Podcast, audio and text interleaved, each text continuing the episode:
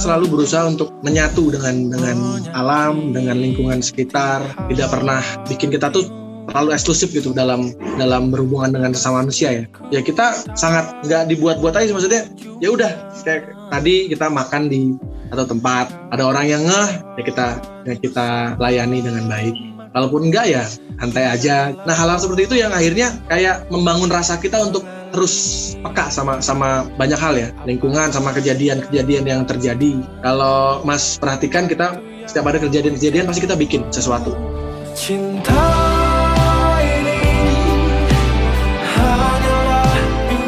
yang pasti kita kita kan sudah membuka album ini uh, dengan lagu waktu yang menjawab ya Sebenarnya lagu ini kan lagu yang masih ada demasifnya lah, masih demasif banget lah gitu. Tapi ada beberapa perubahan-perubahan yang yang kita pengen pendengar kita nggak terlalu kaget dengan perubahan kita. Jadi kalau nanti kalian lihat video klipnya itu sangat mewakili kondisi sekarang sih. Jadi kita biasanya tidak hanya audio yang kita kasih, tapi juga kita kayak menyampaikan sesuatu lewat lewat visual juga, lewat video klip yang kalau nanti uh, Mas lihat itu bakal kerasa banget bahwa sebenarnya lagu ini memang dibuat di di kondisi yang sulit ini gitu. Tapi tetap ngasih apa ya uh, kan waktu yang menjawab itu kan sebenarnya jadinya relate sama sama kondisi sekarang ya. Di mana kita okay. sedang menunggu kapan nih ppkm kelar ya kan.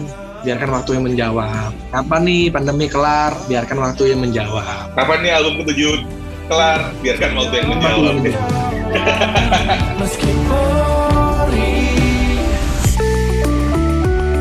Music Extra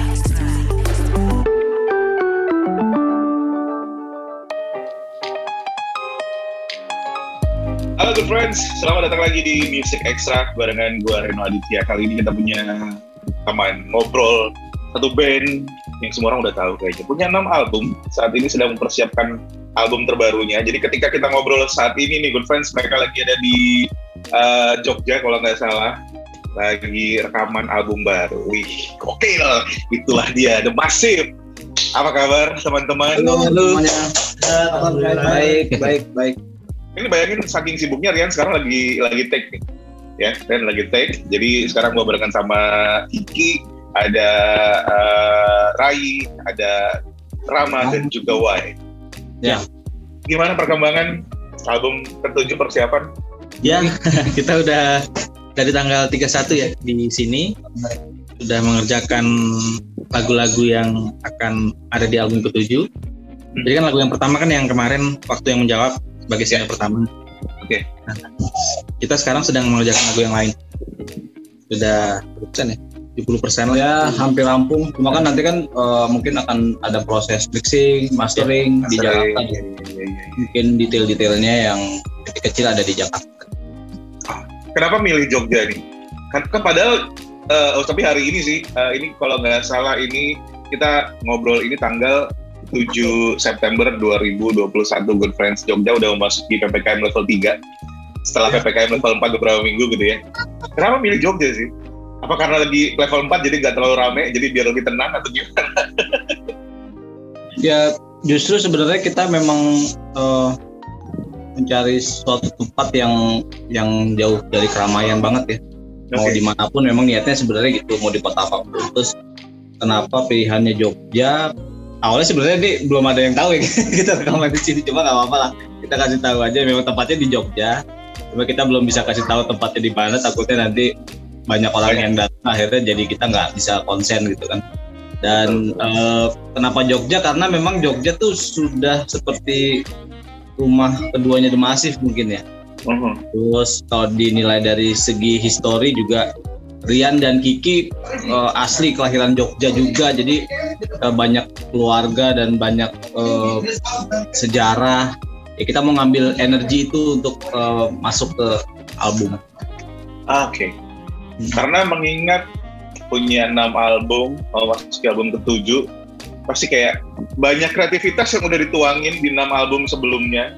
Nanti gak sih kayak bikin lagu bagus melulu itu kan susah Sementara The Massive ngelakuin itu dalam di, di 6 album. Di, ya. Ketika masuk ke album ketujuh pasti kayak, wah ini udah pernah nih, ini udah pernah nih, ini udah pernah nih gitu kan. Ya jadi Uh, untuk yang album ke tujuh ini memang kalau nanti didengar hasilnya pasti kalian akan bilang, oh beda banget sama The Massive yang sebelumnya gitu. Iya, Oke. karena memang karena memang konsepnya untuk album ini agak sedikit berubah yang tadinya kita rekaman di studio sekarang kita rekaman bukan di studio gitu. Kita ngerjain semuanya eh, menggunakan teknologi yang sudah kita eh, punya yang sudah kita kuasai juga. Kayak drum yang biasanya eh, take drum akustik di studio sekarang semuanya dikerjain di komputer aja gitu. Eh, sebenarnya kan gue udah denger nih waktu yang menjawab. Emang beda sih dari soundnya ya kan? Iya. Eh, dari soundnya kemudian ya notasi sih tetap tetap tetap tetap The Massive karena mengingat cara Rian bernyanyi juga ya nggak banyak berubah. Cuman yang berbeda berasa beda adalah soundnya. Terus ada ada suara-suara yang sedikit berbeda dibandingin album sebelumnya. Padahal kan sebenarnya lagu waktu yang menjawab ini bukan lagu baru dalam tanda kutip udah dibuat lama kan. Udah dibuat dari pada saat penggarapan album ke-6 kalau nggak salah ya. Ya, ya. Kalau diperhatiin lagi sebenarnya cara nyanyi gue juga agak beda tuh. Kalau perhatiin lagi. Jadi eh, ada beberapa improvisasi yang sangat tidak mungkin ditemukan ketika dengar lagu-lagu The Massive yang sebelumnya. Coba dengerin lagi, ada beberapa improvisasi yang beda banget. Eh, terus satu lagi untuk pertama kalinya juga eh gue bernyanyi di, di direct sama orang lain. Jadi ada vokal directornya di sini gitu. Ah, nggak nggak bernyanyi seperti gaya Rian gitu. Kalau kalau mungkin dalam sebelumnya ya udah karakter Nah, lo. kalau ini kan kalau biasanya kan gue nyanyi sendiri tanpa Ah. di direct vokal sama orang lain. Nah, kali ini memang kita pengen nyari suasana yang baru, pengen ada hal yang kita eksplor lagi eh, dari cara nyanyinya Rian gitu. Kayak di part interlude eh, ada ada teriakan gue yang itu jarang sekali dilakukan di di di lagu-lagu Massive sebelumnya. Terus eh di part akhirnya juga ketika falset itu juga ada improvisasi yang beda. Terus apa lagi ya? Eh, lebih tight sih nyanyinya. Ya cara Terus nyanyi biasanya lebek sekarang on tempo banget. Biasanya kan Oh. lebek kan karena on tempo nyanyinya. Gitu. Lebih bikin keringetan intinya ya nih. ini habis disiksa. Jadi masih first. lebih susah sih nyanyi. Tight itu lebih susah karena terbiasa nyanyi lebek ya agak nyeret-nyeret gitu kan tiba-tiba sekarang nyanyinya tight banget tekanannya juga beda cara nekennya juga beda gitu Tapi kenapa itu baru dilakuin setelah album ketujuh? Maksudnya mungkin ada beberapa yang saya album kedua beda lagi, tapi kenapa gayanya berubah di album ketujuh? Ya. Eh, sebenarnya sebenarnya eh, teknik yang dilakuin sekarang tuh sebenarnya bukan merubah karakternya Rian tapi justru ini ngembaliin cara nyanyi gue dulu cara nyanyi Rian yang dulu Eh, hal-hal yang biasa dilatih Rian pada saat kita zaman-zaman festivalan ya SMA ya waktu SMA ya ya sedikit-sedikit pernah bawain lagu R&B gitu-gitulah jadi eh energinya Rian yang dulu justru dikeluarin lagi sekarang Jadi Dan- cara nyanyi Iya. gue banyak dieksplor lagi, dikeluarin lagi Rian yang asli sebenarnya. Jadi sebenarnya album pertama The Massive itu Rian yang- udah banyak udah banyak apa ya? Udah banyak influence gitu dari Oke. dari penyanyi yang yang lain. Justru Rian sendiri nyanyinya sebenarnya dulu ada R&B-nya, ada Oke. soul-nya. Jadi kayak kembali kembali ke ke roots ya, kembali ke kembali ke akar lagi. Jadi kembali kembali ke cara nyanyinya leluhur saya gitu kan Oh, kebetulan aku kan ada Ambonnya kan jadi ini Ambonnya dikeluarin Oh, eh, eh. Jadi al- album pertama sampai ke enam itu sebenarnya Rian varian yang berbeda-beda ya. Rian yang sudah ter apa ya terkontaminasi lah. Gitu jadi tapi lama ya kont- kontaminasinya ya? Tapi terkontaminasinya lama banget hampir 6 album gitu. Jadi ini kayak mengembalikan sisi aslinya Rian yang dulu. Yang dulu suka nyanyi lagu Blind McKnight suka nyanyi lagunya eh, Boyz II Men. Suka nyanyi eh, lagunya Babyface. Nah itu dikembalikan lagi cara nyanyi yang lebih soul gitu. Kayak reminder untuk nyanyi seperti itu lagi. Makanya lo butuh vokal director pada akhirnya. Dan yang ada di pikiran gue cuma ada satu orang yaitu Ryan Pono. Ah, Oke. Nah, jadi kenapa dia Sahabat karena abang Rian sama-sama orang Ambon, bukan? satu itu ada ada ada koneksi itu kan. Terus yang kedua untuk cara nyanyi seperti itu sepertinya gue cuma bisa eh, klik sama Ryan untuk saat ini. Satu karena memang secara chemistry kita udah udah udah kenal lama juga. Yang kedua memang dia orangnya juga jadi tidak hanya ngobrol musik tapi ngobrol hal-hal yang lain kita juga nyambung hmm. gitu. Karena buat kita main musik itu bukan karena bukan hanya kita dibayar terus udah kita ngerjain tugas kita gitu. Tapi hmm. kita juga membangun chemistry. Jadi kalau kayak di hire sama misalnya sama uh, sebuah band gitu jadi bukan bukan cuma karena dibayar tapi emang masing-masing kita saling apa ya saling respect karya uh, jadi kita saling respect uh, karya-karya kita gitu. oke okay. dengan begitu sebuah karya jadi nggak sekedar jadi bagus ya. tapi juga ada jiwa di dalamnya ada soulnya ya bisa dibilang ya jadi buat kita karya itu bukan hanya konten ya tapi bukan hanya kita jadikan konten bukan hmm.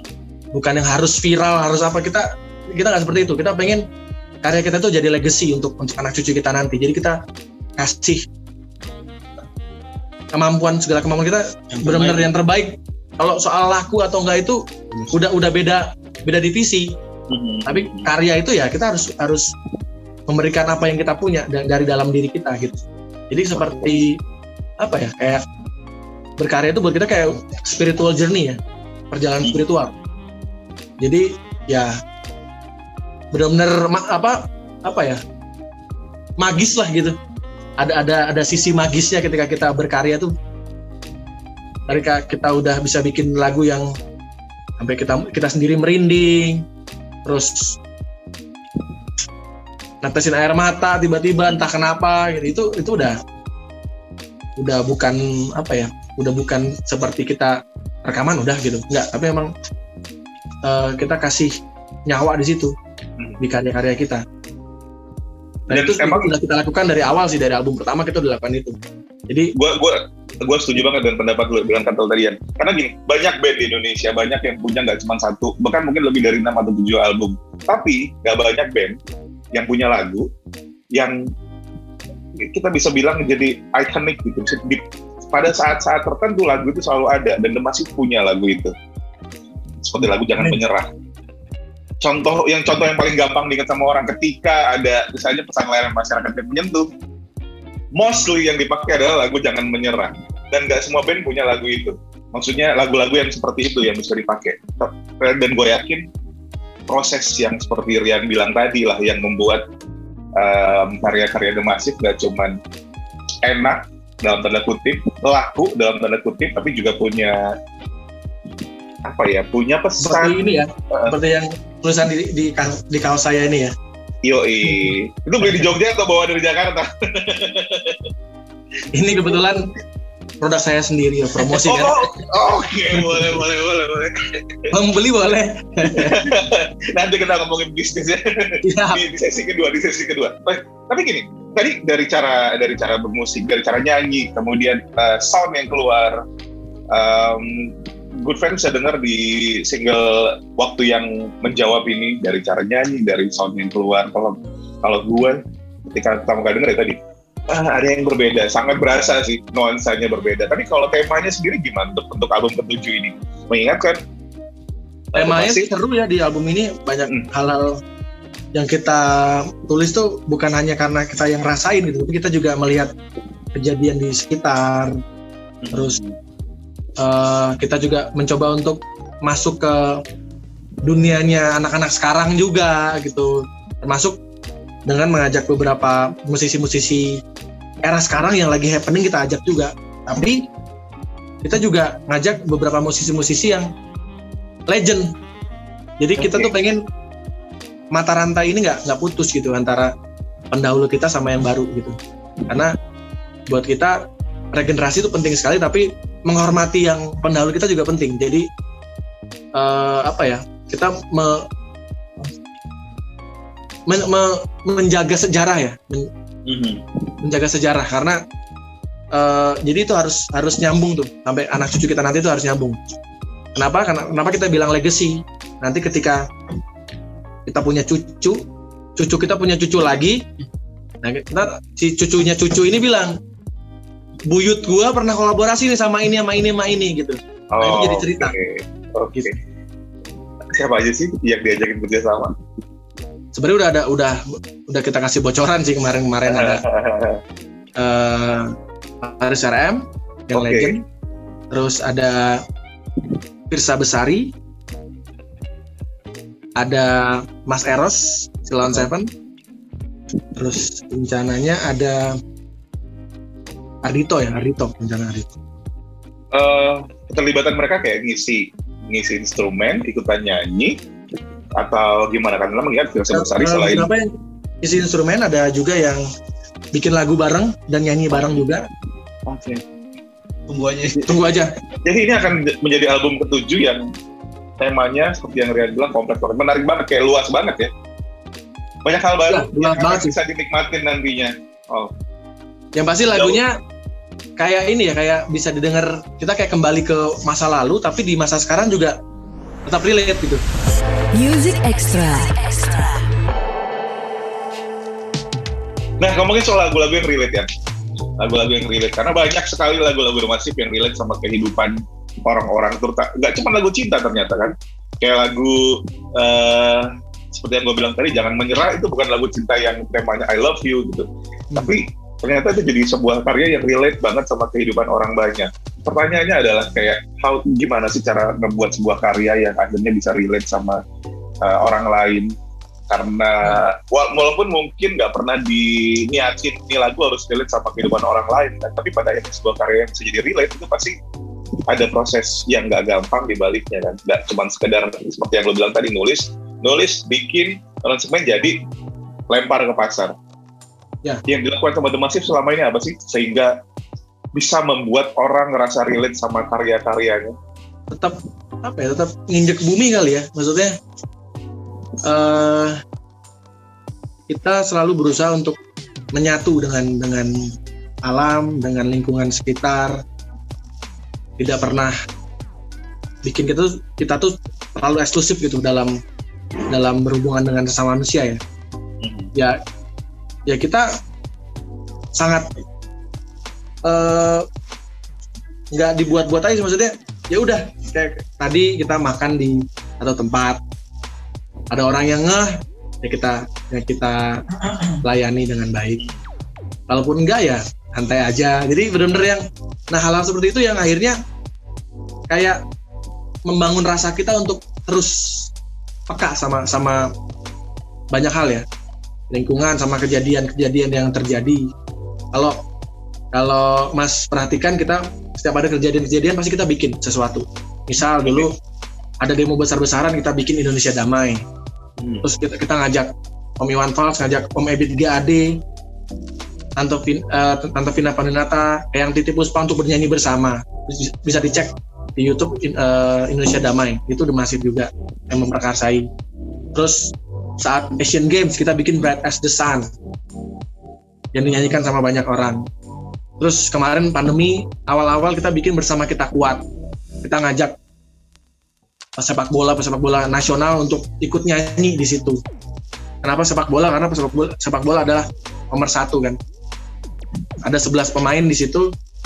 Ada yang asal asalnya dari Papua, dari Jawa, dari mana? Di situ mereka berkumpul untuk untuk apa membawa nama bangsa Indonesia kan makanya di lagu bersama kita kuat itu kita kasih simbol para pemain sepak bola itu dan profesi-profesi yang lain jadi kalau, kalau diperhatikan kita selalu ada ketika dan kita nggak pernah mikir lagu itu hits atau enggak viral enggak kita nggak pernah mikir yang kita lakukan hanyalah berkarya kita kasih lagu ini untuk untuk kita sendiri dan uh, harapannya bermanfaat untuk untuk banyak hal untuk banyak orang gitu.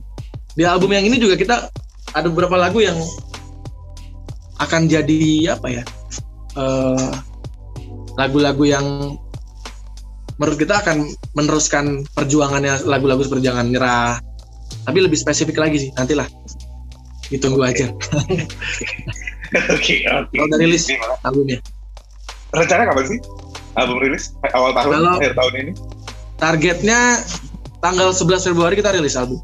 11 Februari 2022 ya. Good Friends ya. Ya, tapi ya, udah. akan ada single-single dulu. Jadi setelah satu menjawab akan ada single lagi, ada single lagi mungkin. Setelah itu baru kita rilis album. Tapi okay. albumnya sendiri sudah sudah siap. Album sudah siap, tinggal dirapiin lagi deh, kurang lebih seperti itu ya. Dan ada ada ada lagu berbahasa Inggris juga nanti rencananya. Lagu berbahasa Inggris yang ada di album ketujuh ini. Oke, okay. nah ngomongin soal The Masuk tadi di awal, gue udah bilang gue kan mereka punya nama album, banyak karya yang um, sedikit banyak dekat sama kehidupan kita, mulai dari lagu ciptanya sampai lagu-lagu yang bertema sosial. Uh, pada akhirnya buat The sendiri dengan semua karya, semua pencapaian gitu. Ketika terus terus berkumpul bersama untuk berkarya, ada yang berubah dalam artian kayak dulu ketika ada masih masih punya satu dua album mungkin punya target yang nggak sama dengan ketika bikin album ketujuh nih. Punya punya purpose kayak punya tujuan. Kalau dulu album pertama mungkin memperkenalkan The Massive adalah seperti ini. Ketika itu mungkin masih muda banget masih uh, orientasi hidupnya masih berbeda. Kayak ini lagu harus laku jadi ketika manggung semua orang nyanyi dan lain sebagainya. Untuk album ketujuh ini seperti apa sih? Kayak secara umum pesan apa yang pengen disampaikan nantinya? Tujuan apa yang pengen disampaikan secara nggak langsung oleh The Massive ya buat kita album kita adalah perjalanan kita ya. Jadi hmm. uh, banyak orang yang bilang bang bikin album kayak album yang zaman dulu lagi dong. Kita bilang nggak akan bisa gitu. Karena buat kita itu adalah uh, kita mengcapture momen kan mm-hmm. nah momen itu yang nggak bisa kita ulang tapi biarkan itu jadi jadi perjalanan kita gitu. nah alhamdulillahnya kita tuh selalu uh, punya mimpi-mimpi terus yang kita tulis di setiap tahun jadi selalu ada goals-goals yang kita pengen capai mm-hmm. jadi di album ketujuh ini kita sudah berarti di industri sudah hampir 14 tahun ya udah satu satu dekade berarti kan? Satu satu dekade lebih kita ada di industri buat kita itu tidak mudah ya untuk bisa tetap ada gitu di, di antara banyaknya musisi-musisi yang baru juga. Tapi kita justru senang ketika banyak sekali musisi-musisi yang yang keren-keren yang hadir di industri musik itu kita kita senang gitu. Justru kita merasa uh, memang perlu dan akhirnya kita bukannya kita kita meng, tidak menganggap mereka uh, saingan tapi justru kita ajak kolaborasi. Jadi dari awal kita bikin album memang justru nggak pernah nggak pernah yang kita bakal ngira itu akan jadi hits akan meledak gitu di pasaran itu enggak yang kita lakukan dulu hanya berharap bermanfaat untuk diri kita sendiri dan orang lain udah. Gitu dan uh, kita anggap bermusik itu adalah bagian dari uh, spiritual journey itu. Kayak kita udah kayak ibadah aja main musik itu ibadah gitu. Jadi sesuatu yang gak cuma memuaskan uh, keinginan aja tapi juga hati memuaskan di pikiran menenangkan gitu gitu ya. Iya. Kan banyak orang kita juga bingung uh, kalau kita banyak ambil contoh di di luar sana banyak musisi-musisi yang stres, banyak yang bubar, mm-hmm. banyak yang um, personalnya tinggal dua orang misalnya atau tiga orang gitu ya. Tapi kita kenapa masih berlima gitu, sama dari awal? Karena dari awal kita sudah punya visi dan misi yang sama. Kita punya mimpi-mimpi yang terus nambah gitu. Jadi ketika kita sudah capai mimpi kita, kita nggak nggak cuma sampai situ aja kita terus nulis mimpi-mimpi kita untuk kita capai. Di album 7 ini justru kita anggap kayak kita baru ngeband lagi justru. Kita balikin lagi rasa itu kayak baru ngeband lagi jadi benar-benar dinolin lagi semangatnya. Apa maksudnya energinya kita bikin jadi muda lagi tapi yang namanya jam terbang kan nggak bohong ya. Kita punya pengalaman kita punya referensi yang makin bertambah, peralatan band yang nambah juga. Kalau zaman dulu kan album pertama kita masih minjem-minjem kan, mm-hmm. gitu. Ya sekarang alhamdulillah bisa milih mau pakai gitar yang mana gitu. Jadi uh, ya buat kita ini adalah perjalanan gitu. Kita nggak pernah matokin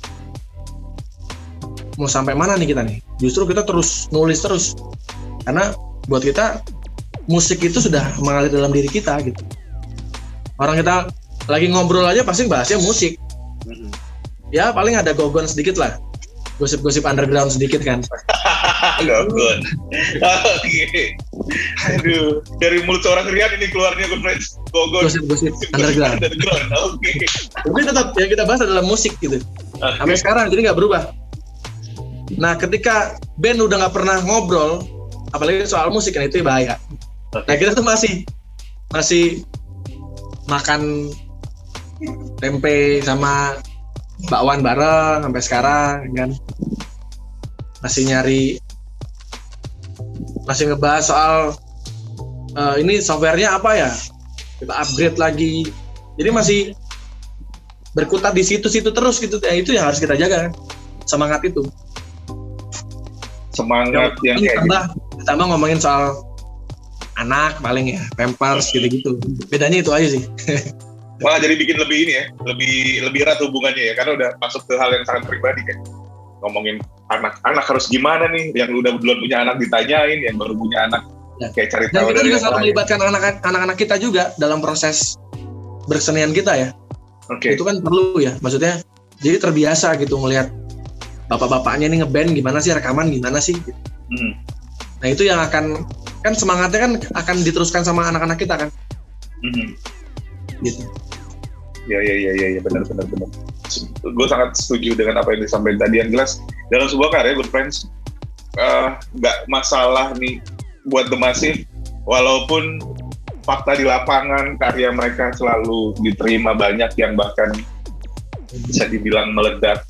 Ternyata untuk membuat karya seperti itu nggak harus diawali dengan pikiran lagu ini harus laku di pasaran bukan itu yang harus ada di pikiran uh, ketika buat sebuah karya ya tapi bagaimana lagu tadi bisa mewakili isi hati bisa uh, bisa membawa pesan yang positif dan lain sebagainya. Begitu juga dengan album ketujuh nanti yang layak tunggu walaupun masih lima bulanan lagi enam bulanan lagi cukup lama nunggunya tapi biarin aja biar matang dulu jadi kita nikmatinya bisa dengan enak. Uh, gak usah buru-buru kenalan dulu dengan Rian yang baru mulai ngeband suaranya di lagu waktu yang menjawab. Karena jujur aja gue menemukan malah walaupun walaupun dibilang tadi ini adalah gaya bernyanyi yang dulu dan sebagainya tapi yang dirasakan adalah berbeda dan dan bisa dibilang kalau eh, bahasa anak sekarang ini masih termasuk karya yang fresh kayak wah ini kayak The Massive ngapain nih di lagu ini? Dan mudah-mudahan akan membuat orang bertanya-tanya albumnya akan jadi seperti apa nanti dan gue yakin akan seperti itu. Paling nggak kita tunggu single-single pengantar ke album ketujuh sementara gue kan bisa nikmatin dulu waktu yang menjawab di berbagai digital music platform. Dan sebagai kayak teman dalam penggarapan album ketujuh ini dari karya-karya yang dirilis apa sih yang akan di, masih lakukan ada campaign apa mungkin? Ada uh, movement apa gitu? Mengingat ya kita sedang berada di kondisi yang juga tidak menyenangkan nih album lagu yang dirilis tujuannya Ya. adalah untuk menghibur. Tapi gue yakin The Massive ada bukan cuma sekedar untuk menghibur aja kan? Yang pasti kita kita kan sudah membuka album ini eh, dengan lagu waktu yang menjawab ya. Sebenarnya lagu ini kan lagu yang masih ada the massive-nya lah masih the massive banget lah gitu. Tapi ada beberapa perubahan-perubahan yang yang kita pengen pendengar kita nggak terlalu nggak terlalu kaget dengan, dengan perubahan kita. Jadi kalau nanti kalian lihat video klipnya itu sangat mewakili kondisi sekarang sih jadi jadi kita biasanya tidak hanya audio yang kita kasih tapi juga kita kayak menyampaikan sesuatu lewat lewat visual juga lewat video klip Hmm. yang kalau nanti eh, Mas lihat itu bakal bakal kerasa banget bahwa sebenarnya lagu ini memang dibuat di di kondisi yang sulit ini gitu Hmm. tapi tetap ngasih apa ya eh, kan waktu yang menjawab itu kan sebenarnya jadinya relate sama sama kondisi sekarang ya di mana kita Oke. sedang menunggu kapan nih ppkm kelar ya kan biarkan waktu yang menjawab kapan nih pandemi kelar biarkan waktu yang menjawab. Kapan nih album ketujuh kelar? Biarkan waktu yang menjawab. ya. eh tapi kalau ngomongin soal surviving di tengah pandemi, uh, Good Friends, kita akan bahas terpisah ya barengan sama The Massive di Music Extra edisi selanjutnya. Well, jadi ya, jangan lupa nikmatin single terbaru The Massive sebagai pembuka di album ketujuh mereka, waktu yang menjawab di berbagai digital music perform. Tungguin juga seperti yang Rian janjikan, uh, music videonya tentunya akan menghadirkan nuansa yang akan mendukung dari karya mereka. Kita ketemu lagi di Music Extra edisi selanjutnya barengan sama gue Reno Aditya. Music Extra.